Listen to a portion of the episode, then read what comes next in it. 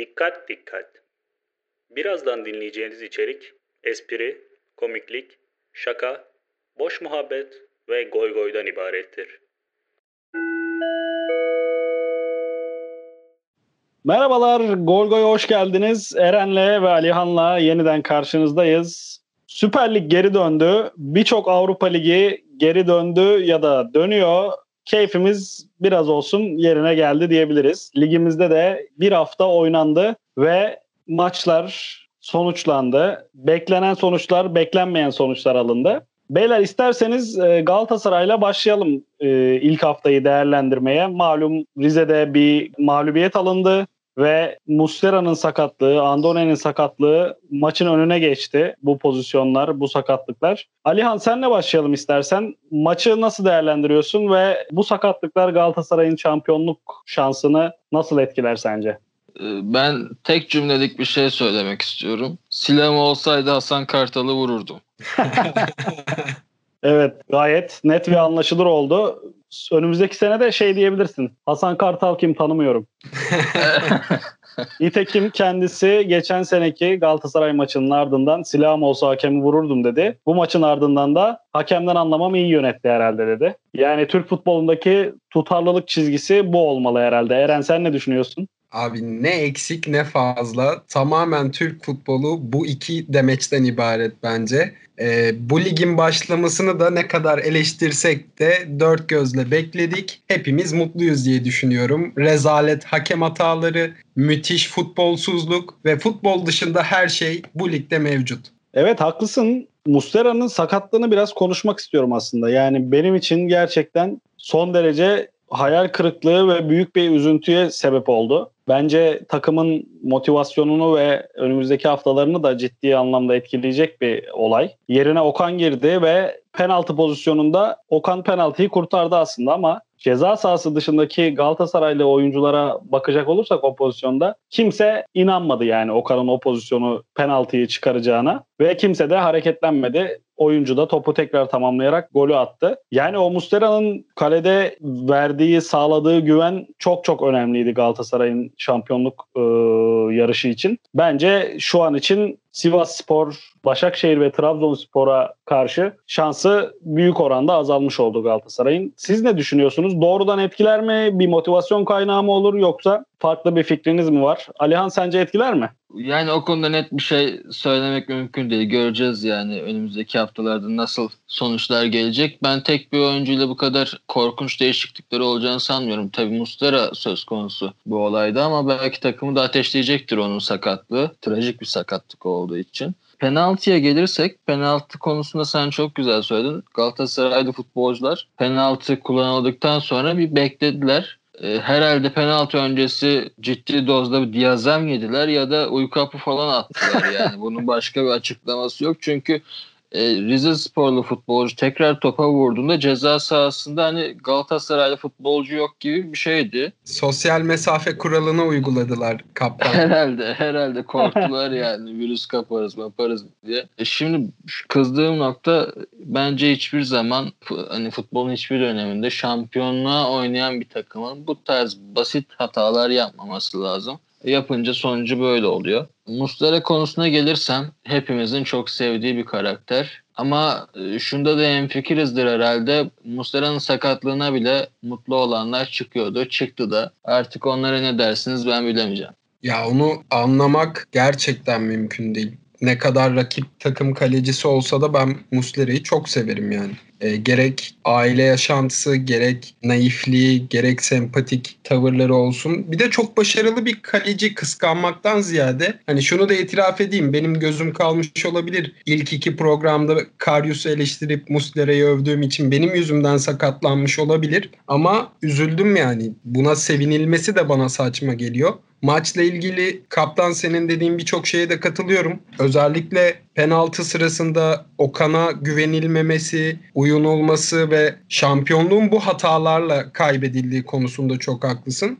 Maçla ilgili öyle çok genel bir şey söylemek istemiyorum ben. Kötü bir maçtı. İki takım da çok iyi oynamadı bence. Liglerin ara verilmesi Galatasaray'daki o tempoyu ve e, inancı biraz geriletmiş gibi gördüm ben. Gerçi diğer takımlarda da gerileme var ama Galatasaray'da yakaladığı, yakaladığı formdan dolayı çok iyi bir hava vardı. O tamamen geriye gitmiş gibime geldi. Muslera'nın kaybıyla da şampiyonluk şansının çok zora indiğini düşünüyorum. Çünkü Muslera tek bir oyuncu değil aslında. Yani en az 4 şampiyonluğu olan bir kaleci. Tek başına şampiyon yapabilecek potansiyeli olan bir kaleci. Onun dışında da bu sevinme olayına da diyecek bir şey cidden bulamıyorum. Bu konuda goy goy bile yapamıyorum farkındaysanız. Evet bir noktada çok haklısın Eren. Galatasaray'ın oyunu ciddi anlamda etkilenmiş. Çünkü karantina öncesi takımın oynamaya çalıştığı oyun pasa dayalı bir oyundu ve bir takım oyunuydu. Dolayısıyla o uzak kalma ve e, verilen ara takımı olumsuz yönde etkilemiş görünüyor.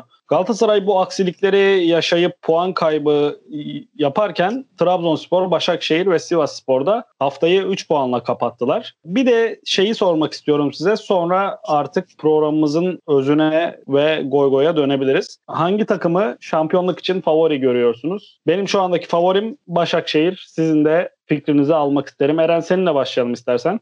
Ee, benim de Başakşehir abi. Birinci nedenim şu. E, bu seyircisiz oynama durumunun Başakşehir'e bir dezavantaj yaratacağını düşünmüyorum. Çünkü zaten seyirci baskısıyla maç kazanan bir takım değil Başakşehir. Onun dışında da kadro kalitesi cidden çok iyi durumda Başakşehir'in. Yani ilk 11'ler konusunda Trabzon'la yarışırlar evet ama yedeklere baktığımızda Başakşehir'in eli çok güçlü ve sistemi de oturmuş bir takım olduğu için Başakşehir'i daha formda, daha e, avantajlı olarak görüyorum şahsen.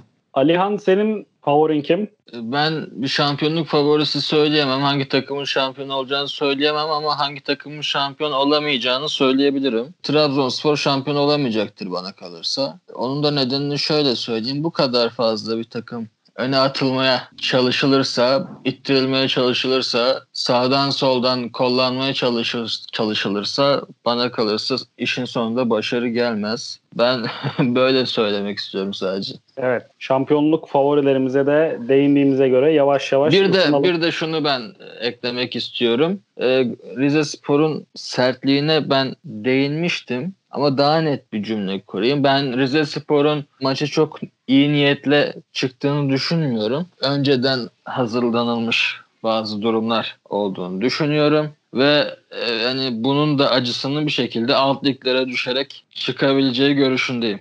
Evet yani e, gerçekten Rize tarafında Rize Spor tarafında bir e, sertlik, bir agresiflik söz konusuydu. Bunun geçen yılki maçla bir ilgisi var mı yok mu bilmiyorum. O maç Rize Spor için son derece dramatik sona ermişti. E, oradan gelen bir ger gerginlik söz konusu olabilir ya da başka sebepleri olabilir dediğin gibi. Ama o sertlik benim de dikkatimi çekti. Hani aylardır futbol oynamamakla ilgili olduğunu falan düşünmüyorum ben de. Ee, gerçekten biraz enteresan bir maçtı. Uzun süre aradan sonra futbol oynayan futbolcular için değişik görüntüler vardı. Buradan goy goy yapmaya başlayabiliriz artık. Yeterince ciddileştik fikirlerimizi beyan ettik. Max Kruse ile başlayalım istiyorum. Kendisi de ameliyat oldu bu arada. Geçmiş olsun. Apandisit ameliyatı olmuş. Şöyle bir haber var kendisiyle ilgili. Kampta nargile içerek alarm sistemini devreye sokmuş dumanla. Kampta nargile içmek ardından alarm sistemine yakalanmak ne kadar eğlenceli bilmiyorum. Siz nasıl değerlendirirsiniz? Abi müthiş bir eğlence. Daha önce yaptınız mı bilmiyorum ama otellerde özellikle çok olur. Duman dedektörü vardır yangınlara karşı ve onu çalıştırıp sonrasındaki o kaosu izlemek bence çok güzel bir eğlence ama nargile konusunda ise sözü siz iki nargile ustasına bırakmakta fayda olduğunu düşünüyorum. Alihan sen de bir nargile üstadısın. Bu konuyu nasıl değerlendireceksin? Ee, ben e, bu haberin altında bir yorum gördüm. Şöyle yazıyordu. Ali Koç'un vizyonuna hayran oldum. Riva'da nargileci açmış galiba. ya yazmış birisi. Yani tesislere mi açtılar bu nargileciyi? Yoksa direkt Cruze kendisi mi getirdi evden? Tabii bunun haberin detaylarını bilmiyoruz sanırım. Ee, evden getirdiyse Cruze'yi ekstra olarak kutlarım. İşini bilen bir arkadaşımız, büyüğümüz belki. bir de tabii nargileyi aromasını, nargileyi hangi aromada tükettiği de çok önemli. Onu ben de çok o, merak ettim ya. Eğer e, benim de sevdiğim tatlarda, aromalarda tüketiyorsa daha da bir öveceğim çünkü. Seninki nedir? Şey, ya, benim çok değişken ya açıkçası. Bir 10 tane falan var. Onları burada saymayalım şimdi. Ee, şey hiç gözünüzün önüne getirdiniz mi? Yani Cruze nargile içiyor tesislerde. Alarm sistemi devreye giriyor. Ve Ali Koç geliyor apar topar olanları seyrediyor. Yani Ali Koç'un yüz ifadesini falan gözünüzün önüne getirmeye çalıştınız mı? Evet evet onu düşünmek gerçekten çok komik. Böyle sınıfta yaptığı bir muziplik sonucu öğretmenine yakalanan öğrenci suratı oluşmuş olabilir Kuruze'de. Bir de abi Kuruze Alman değil mi? Alman. evet ya yani, Almanlar da disiplinli olur sözde. evet Almanlar sabah uyanır antrenmanını yapar iyi beslenir ve herhangi bir aksilik çıkarmazlar ama Kruse'nin bu nargile aşkı bugüne kadar çok gündem oldu. En sonunda böyle bir olay yaşanmış. Bu arada nargile kafeler hala kapalı. O yüzden ben de kendisini çok suçlamıyorum. Ben de elime nargileme aldım. E, farklı aromalarla şenlendirip akşamları keyif yapıyorum. O yüzden e, eğlenceli olmuştur ya. Çok da üzerine gitmemek lazım ha. Buradan Cruze'ye e, favori birkaç nargile aromanızı önerim bence. Sonuçta bizim programımızı dinlediğini ben biliyorum Cruze'nin. Yani Florya'daki sandviçiyle yaptığım görüşmelerde bunu teyit etmiştim. Ben evet. buradan bura bura bir soru sormak istiyorum. Ne sıklıkta tüketiyorsun abi nargileyi? Abi şöyle ben aslında bir nargile bağımlısı değilim ama liseden sonra lisede arkadaşlarla sık sık giderdik nargile kafelere. Ee, üniversite boyunca çok az tükettim. Yani belki 4 yıllık üniversite hayatım boyunca birkaç kez içmişimdir sadece. Ama son dönemde böyle yeniden bir merak saldım. O yüzden eve de aldım. Şu sıra 3-4 günde bir falan yakıyorum ben de evde ve nargilecimden aldığım bir aroma var. Mango, portakal ve buz. Mango Orange Ice adlı tütün hmm. inanılmaz. Yani buradan Cruze'de bizi dinliyorsa tavsiye ederim kendisine. Alsın, denesin. Alihan senin de denemeni isterim. Ben bayıldım. Yani o dumanı, o aroması, o tadı insanı çok farklı yerlere götürüyor. O yüzden benim şu anlık favorim bu. Çok farklı yerlere götürüyor derken? yani böyle o lise yıllarıma götürüyor beni. Afyon'da ha. o zaman size kısaca bir özet geçeyim. Afyon'da bir kafe vardı abi. Böyle liseli çiftlerin buluşma noktası. Aynı ortamda belki 20 tane çift farklı aktivitelerde bulunurlardı. Ama kimse birbirine müdahale etmezdi. Kafe çalışanları da herhangi bir müdahalede bulunmazlardı. Son derece modern bir ortam. Özellikle Afyon standartları düşünüldüğünde. Öyle nezih e, bir teyit ortam. etmek için sormak istedim. Afyon'da değil mi yani? Tabii Afyon Karahisar. Evet, evet. gerçekten insan hayret ediyor. Son derece nezih bir ortam. Yalnız sonunda e, oraya bir tırnak içerisinde fuhuş baskını yapıldı. Ve o nargile kafe şu anda kapalı. Halbuki e, insanlar orada bir arada sosyalleşiyorlardı. Bir takım aktivitelerde, etkinliklerde bulunuyorlardı. E, üzücü bir gelişme tabii Afyon'un gençleri için şu anda. Ama biz oranın faydalarını gördük, keyfini çıkardık diyeyim. Bu sadece Afyon'daki o nargile kafeye yapılan bir darbe değil, aynı zamanda da Afyon gençlerinin modernleşmesine yapılmış bir darbedir. Kınıyorum. Kesinlikle öyle. Afyon için bir devrim niteliğindeydi bu kafe. Yani e, şimdi öyle bir yerden bahsediyoruz ki çok severim bu arada. Uzun yıllar geçirdim orada. Memleketim olmamasına rağmen memleketim sorulduğunda Afyon cevabını veririm. Ama insanların böyle el ele yürümekten ya da yakınlaşmaktan bile imtina edeceği bu tarz e, eylemlerin sonucunda dayak yiyebileceği bir ortamda çok zamanının ötesinde bir kafeydi. O yüzden buradan yeniden geçmiş olsun diyelim. Ve bu tarz e, kafelerin açılışını ve çalışmasını desteklediğimizi belirtelim. Bir şey soracağım. Zamanın ötesinde bir şehirdi dedin Afyon için de. Ee, ara, aramızda Yozgatlı olan var mı?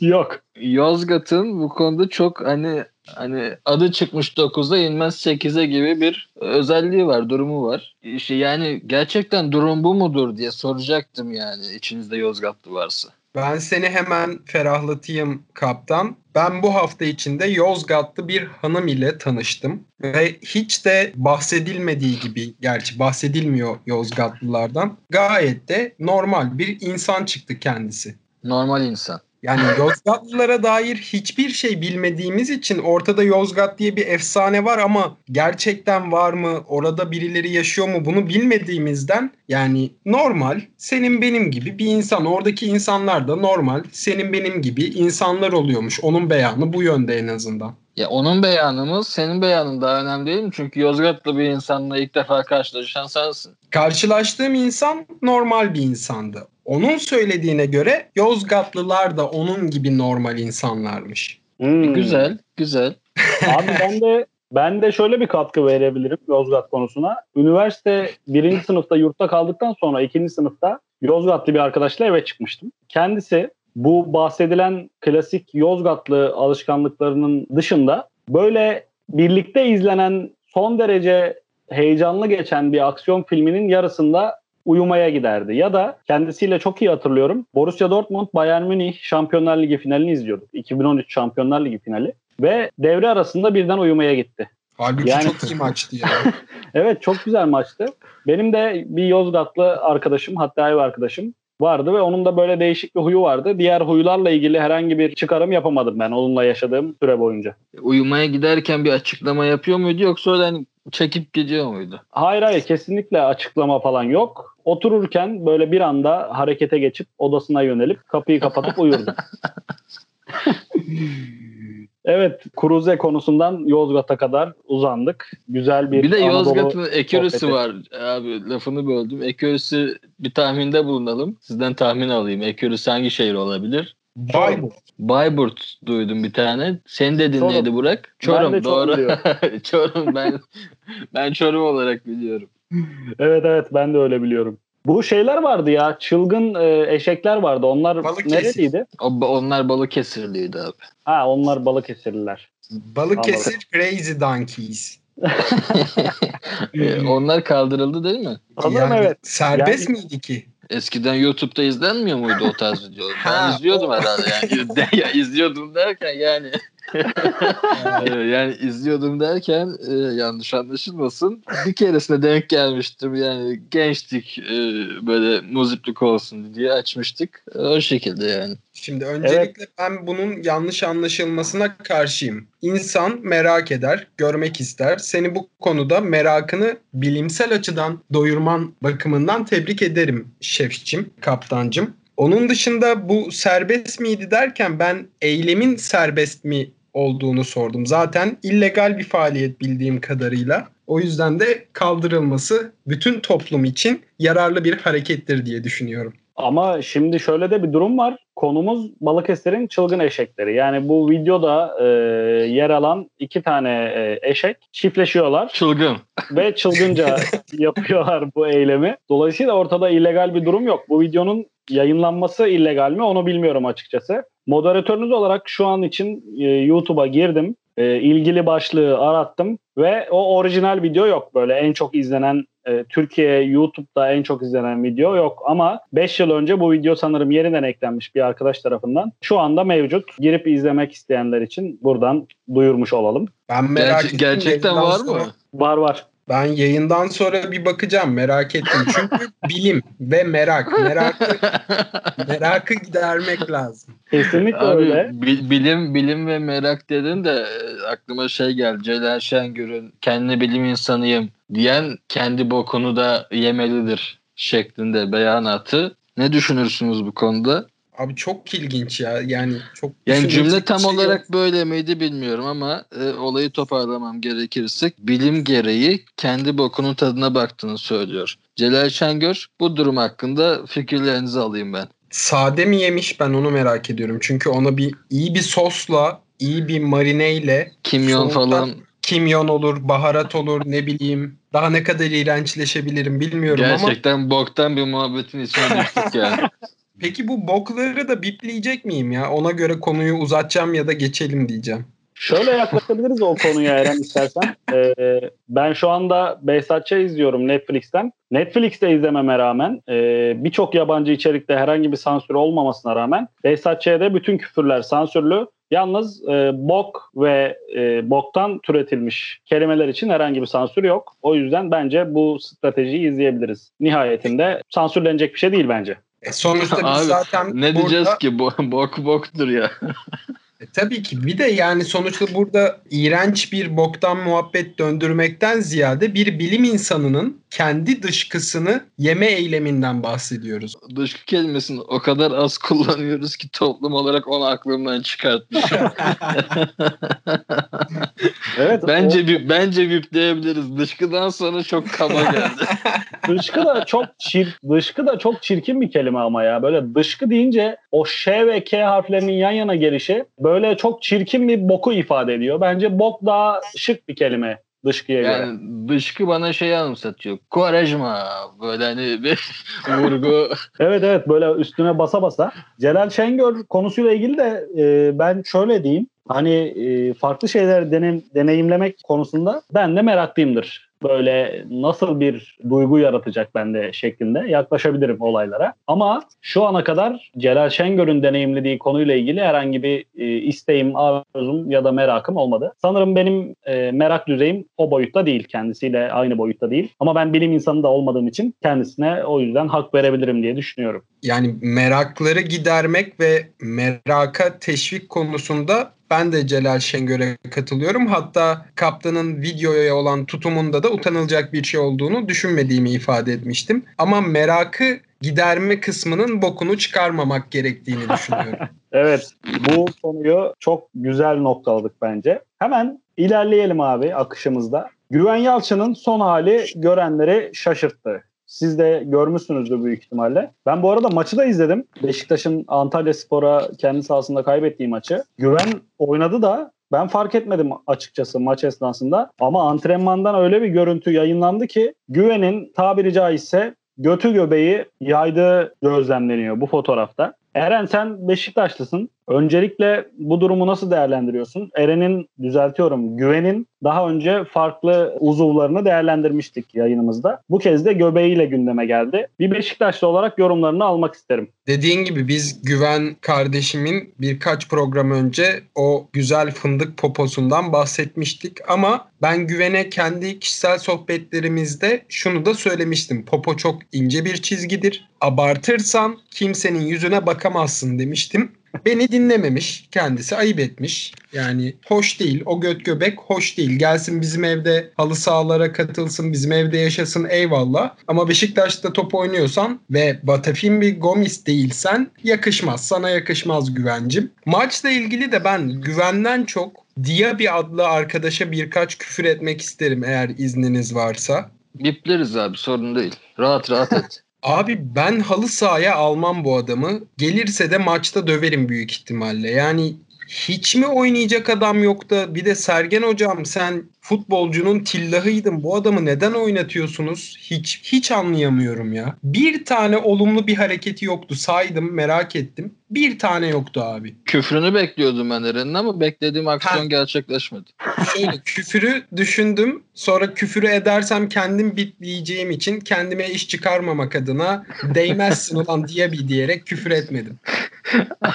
Adam üşen geçtiğin nirvanasına çıktı. Evet evet. Eren'in küfürsüz isyanına kulak verdik. Bu arada Diaby konusunda dediklerine sonuna kadar katılıyorum. Hakikaten neden Beşiktaş'ta oynadığıyla ilgili hiçbir fikrim yok benim de. Son derece e, etkisiz, yeteneksiz bir futbolcu. Adem Yaiç gibi bir futbolcu yedek kulübesinde otururken Diaby'nin sahada olması üzüyor gerçekten. Ya ben Necip Uysal'a da okeyim ya. Diaby oynayacağına Necip Uysal oynasın. Yani Sabri Sarıoğlu falan oynasın. Gerçekten hiçbir artısı yok. Sen neden Beşiktaş'ta oynadığına anlam veremiyorum dedin. Ben sana şöyle bir soru sorayım. Diaby'nin neden futbolcu olduğuna anlam verebiliyor musun? Yani şöyle e, aslında o kadar e, ileriye gitmek istemedim ama kariyerine çok hakim de değilim. Ama gördüğümüz görüntü gerçekten bırakın Beşiktaş'ı futbol oynamasının da bir mucize olduğunu kanıtlar nitelikte. O yüzden sana katılıyorum Eren'cim. Alihan senin güvenin göbeğiyle ilgili bir yorumun olacak mı? Abi madem e, boktan muhabbetlerden geldik geçtik e, şunu da söyleyelim rahat rahat ya hakikaten götü göbeği salmak deyiminin gerçekleşmesi olmuş. Valla e, yani ne desem bilemedim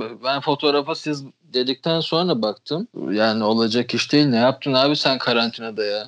Abi bunun yurt dışında da örneklerini gördük. Gonzalo Higuain diye bir adam var. Adam her kampa böyle geliyor neredeyse. Ama nihayetinde gollerini sıralamaya ve takımını sırtlamaya devam ediyor. Bunun Galatasaray versiyonu da Fegoli'dir bu arada. Onu da es Evet, geçmeyelim. Yani ben Fegoli'nin herhangi bir kampa fit geldiğini daha görmedim. Geçen günkü maçta da Rize maçında da hepimizin gördüğü üzere bildiğin göbeğini sallandıra sallandıra top oynadı adam yani. Kesinlikle öyle. Seguli de hiç iyi dönmemiş. O da dikkat çekici. İsterseniz biraz şeye değinelim. Malum bir anket yapmıştık Plase dergi hesabımızdan, dergimizin hesabından. Sence Golgoy'un en komik karakteri kim şeklinde bir anketti ve seçenekler çok tanıdık. Burak Katar, Eren Göktepe ve Alihan Akçam. Anketin ilk saatlerinde Burak Katar'ın ciddi bir üstünlüğü söz konusuydu şahsımın. Ardından birkaç gün geçtikten sonra ne oldu bilmiyorum. Eren Göktepe'nin trolleri atağa geçtiler. Kendileri nihayetinde %55'lik bir üstünlükle programımızın en komik karakteri seçildi.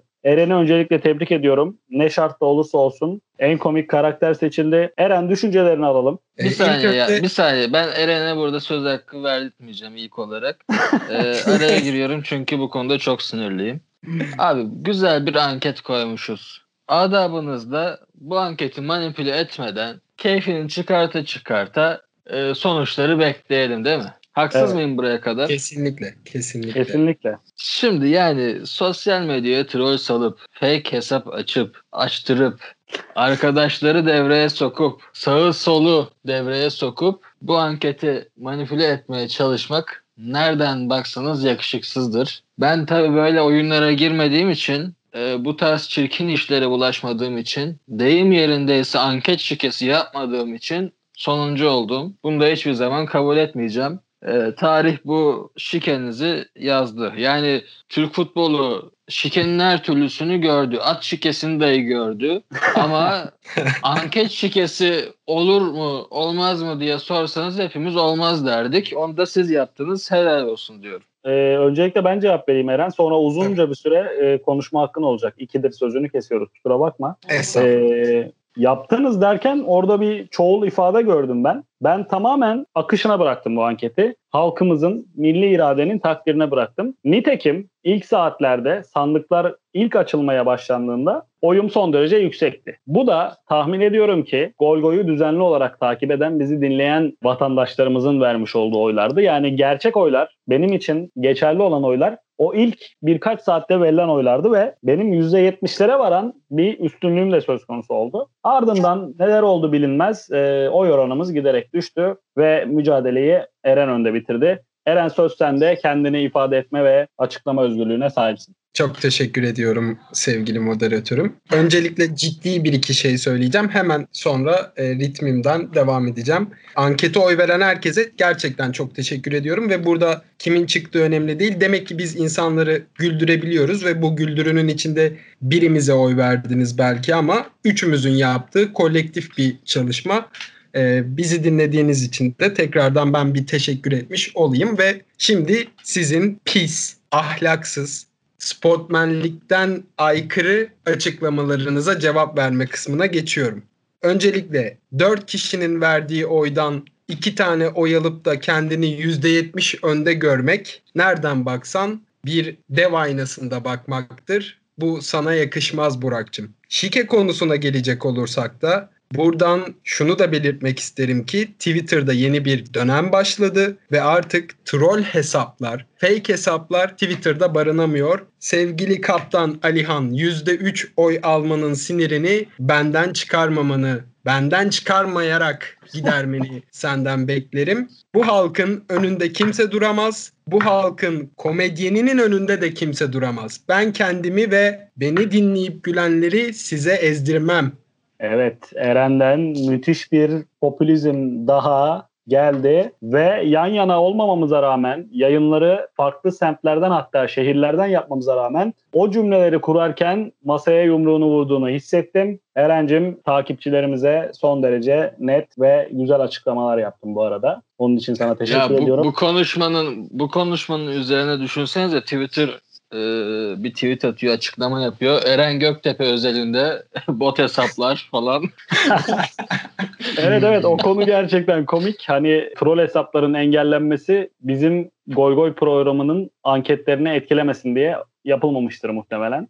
Bence, an- Bence anketleri etkileyecek kadar troll hesap hala Twitter'da barınabiliyordur. Ee, biz geçenlerde senle bir canlandırma yapmıştık Burak'cığım. Onu bir daha tekrarlayalım istersen. Ben Twitter'ın kurucusu Jack olayım. Sen de herhangi bir insan olup bana şeyi sorabilirsin. Troll hesapların durumunu sorabilirsin istiyorsan. Hemen yapalım.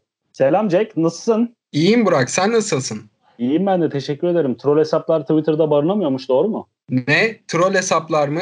Plese'nin Goy Goy Podcast'inin anketi başlayacak. Hemen troll hesapları kaldırtıyorum. Hemen. Jack! Yeah, fuck that man. Hani Jack ya o yüzden İngilizce de şey yaptım. Buradan dinleyicilerimizde. evet yine müthiş bir role play yaptık. Eren'cim role play konusundaki bu başarımız beni tedirgin etmiyor değil. Umarım bu çizgide kalırız role play konusunda. Umarım ben de umarım ben de. Evet Eren'i tekrar tekrar tebrik ettikten sonra Luis Gustavo'ya geçelim isterseniz. Kendisinin bir adamlık açıklaması var. Programımızın biliyorsunuz vazgeçilmez köşelerinden birisi. Haftanın adamı birazdan oraya da geleceğiz. Şöyle demiş bir kadını çıplak değil de gelinlikle hayal ediyorsan işte o zaman adamsın. Ben de masaya vurdum Eren. Seninle başlayalım. Adamlık bu mudur? Ya ben Luis Gustavo'ya katılmıyorum isteyen bir kadını da bir erkeği de çıplak hayal edebilir ve asıl adamlık Mbaye Cagne'nin yaptığıdır. Luis Gustavo Aa. güzel gol attın ama yani sana ne bizim hayal dünyamızdan kardeşim. Evet Eren'den radikal açıklamalar gelmeye devam ediyor. Alihan hemen gerçekten ra- gerçekten radikaldi. Şaşırdım ben de. Mbaye, Mbaye Cagne'nin çok eşliliğini destekledi Eren Göktepe. Yani bugün. çok eşliliği destekledi. LGBT haklarını savundu. Yani çizgisiz bir açıklamada bulundu. Tamamen özgürlükten yana bir açıklamaydı arkadaşlar. Yani hangi çizgiden konuştuğunu anlamadık Eren. Kesinlikle her çizgi, mevcut olan her çizgi özgür olmalıdır. Yani ben bu konu hakkında ne desem bilemedim açıkçası. Öyle çok e, artık hani Arda Turan'dan da kaynaklı adam kelimesinden de soğuduğumuzdan herhalde içerisinde adam kelimesi geçen cümlelerden çok haz etmiyoruz. Toplum olarak yani en azından toplumun belli bir kesimi olarak ben de dahil. Yani Gustavo işine bak kardeşim demek istiyorum ben. Ben bir Vallahi. şey soracağım. Bu açıklamanın Gustavo'ya ait olduğunu olduğuna emin miyiz? Yani Gustavo Brezilyalı ve Brezilyalı arkadaşlarımızın giyim kuşamının, festivallerinin çılgınlığını az çok biliyoruz. Yani kendisi bu açıklamayı yapıp bir de üstüne adamdırı koymuş mudur hakikaten? Orada da var mı bu kültür? Yani şöyle aslında e, onunu elemiş, eleğini asmış her erkeğin, her milletten her erkeğin yapabileceği bir açıklama bence. Gustavo da gençliğinde eminim Bayern Münih'te falan oynarken kimseyi gelinlikle hayal etmemiştir. Yani şimdi buradan kusura bakmasın. Herkesi farklı şekillerde hayal etmiş olabilir. Ardından işte evlenip çoluk çocuğa karışıp son yıllarını e, Türkiye'de geçirirken bu tarz açıklamalar yapmak kolay. Münih'te Oktoberfest'te ya da Brezilya'da Eren senin de dediğin gibi Rio'da yapsaydın iyi olsa bu açıklamaları Gustavo. Ben de şu an için Gustavo'yu karşıma almış durumdayım. Kesinlikle katılmıyorum kendisine. Üç ayarla uğurluyoruz seni Gustavo. Adam kimseye yaranamaz. Ya bir de Gustavo'ya şunu da söylemek isterim son olarak. Kendisini bu e, salgın belasını da atlattıktan sonra bir Türk düğününe davet etmek isterim ve gelinlikte bir kadının gelinlikle nasıl durduğunu görsün ondan sonra gelsin bu açıklamayı yapsın.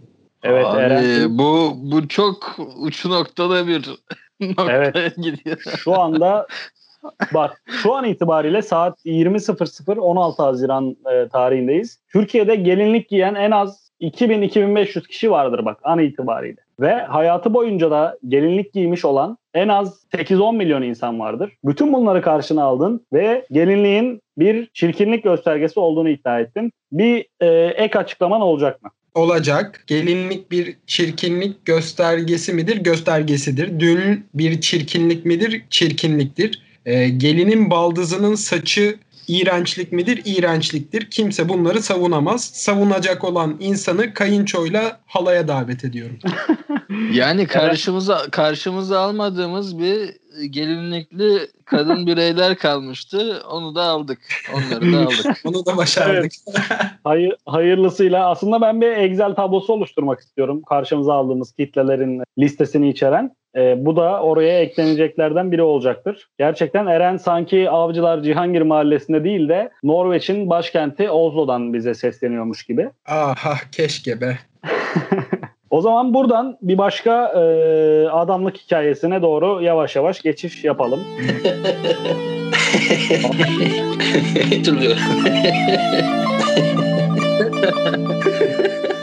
Evet, uzun uzun adamlıktan bahsettik ve programımızın vazgeçilmez bölümü haftanın adamına geldik. Vitas Reis önderliğinde bu haftanın adamı Ajax'ın genç yeteneği David Neres oldu. Neden oldu? Şöyle demiş Neres, harika bir sevgilim var. Kendisine nasıl tanıştınız diye sorulmuş. Onu Instagram'da gördüm. Ben Ajax oyuncusu David Neres bana gel şeklinde bir mesaj gönderdim ve o da geldi demiş. Yani ben bu kadar net bir davet, bu kadar masum bir davet görmedim hayatımda. Bizim futbolcularımızın da farklı e, hanımefendilere attıkları e, mesajları biliyoruz, görüyoruz. Değişik emojilerle ve davetlerle süslü. Siz neler söyleyeceksiniz? Ben çok masum buldum. Çok yakışmışlar bu arada. Türkiye'de olsaydı e, magazin haberlerinde bol e, boy boy fotoğrafları ve attığı mesajlar yayınlanıyor olacaktı. Neresi? Ama işte Amsterdam'da medeniyetin göbeğinde olduğun için bunlar haber değeri taşımıyor. Ben buradan tekrar ahlaksız Luis Gustavo'ya sesleniyorum. Bak da gör kardeşim adamlık nasıl oluyormuş. Evet ama şöyle- Gustavo'ya taktı adam. Bu hafta günah keçisi Gustavo oldu hak- hakikaten. Ama şöyle de bir durum var abi. Bizim futbolcularımızın attıkları mesajlarla Neres'in mesajlarını kıyaslayacak olursak ciddi bir fark var yani. E, Adam ki. edebiyle, adabıyla ben Ajax'ta oynuyorum bilgin olsun. Bana gel demiş. Kız da gelmiş. Hani Kerem Tunçeri'den bahsetmiştik haftalar önce. Onun attığı mesajlara ve taleplerine bakacak olursak Neres aşırı masum yani. E, şey değil mi yani karşındaki kişinin para için seninle beraber olduğunu biliyorsun ama yapacak bir şey de yok böyle. Çok tuhaf bir duygu değil mi ya? Yo ego tatmini. Adam öyle egosunu tatmin etmiş. Ben e, Burak'a katılıyorum. Müthiş bir vizyon sergilemiş. Ama şu olsaydı çok komik olabilirdi. Kız hadi oradan lan pis köylü ben Feyenoordluyum deyip ifşa etseydi neresi o zaman Kerem abimize yaklaşırdı. Evet evet ben Feyenoord'luyum deyip reddetseydi gerçekten dillere destan bir yazışma olurdu. Kız da Ajax'la o zaman öyle diyebilir miyiz? Belki altyapıda futbol oynamıştır. Sonuçta Ajax'ın altyapı kültürünü biliyoruz beyler. E, Kız için e, Ajax, Feyenoord, PSV fark edeceğini pek sanmıyorum yani. AZ'ye kadar bile gidebilir iş. Yani Fortuna Sittard'lı bile olsa giderdi diyorsun. Giderdi gibi duruyor. Ben de tam şeyi merak ediyordum. Bu programda Acun abimi anmadan geçeceğiz mi diye merak ediyordum. Onu da gidermiş oldum Burak'cığım. Acun abisini unutmuştuk Eren'in. Evet Eren'cim bu hafta Acun Medya'ya nasıl yanlamak istersin? Seni dinliyoruz. Acun abicim öncelikle sana iyi günler diliyorum. Programını beğenerek izliyorum. Senden bir ricam var Acun abicim. Ee, Max Kruse'yi kolunun kalınlığının altına alıp nargileye başlattığın gibi aynısını diye bir adlı vatandaşa da yapmanı istiyorum. Teşekkür ederim. Evet bu hafta kendisi için değil Beşiktaş'ın menfaatleri için bir talepte bulundu. Ben de o yüzden Eren'i destekliyorum. Eren'e bir soru sormak istiyorum. Son bir sorum olsun. Tabii ki. Diaby'i oyununda oynatır mısın? Oynatmam ya gerçekten kavga çıkar. Çünkü kayınçoyu ben pişpiklerim alttan alttan. Kayınçoyla diye bir dalarız. Yani düğünümde oynatmam lafı da gerçek oldu böylelikle. Bak halı sahada döverim diyorum. Bir de üstüne düğüne gelse orada da döverim ya. Yani çok kötü dövebilirim diye bir. Beceremez. Oynamayı beceremez. Düğünde de oynayamaz. O yüzden düğünde de oynatılmaz gerçekten. Diyerek arkadaşlar programımızın bu haftalık sonuna gelelim isterseniz. Gol Goy'un sonuna geldik. Bizi dinlediğiniz için, bize eşlik ettiğiniz için çok teşekkür ederiz. Dinlemeye, gülmeye, eğlenmeye devam edin lütfen. Hepinizi çok seviyoruz. Hoşça kalın, bizimle kalın. Hoşçakalın. Hoşça kalın.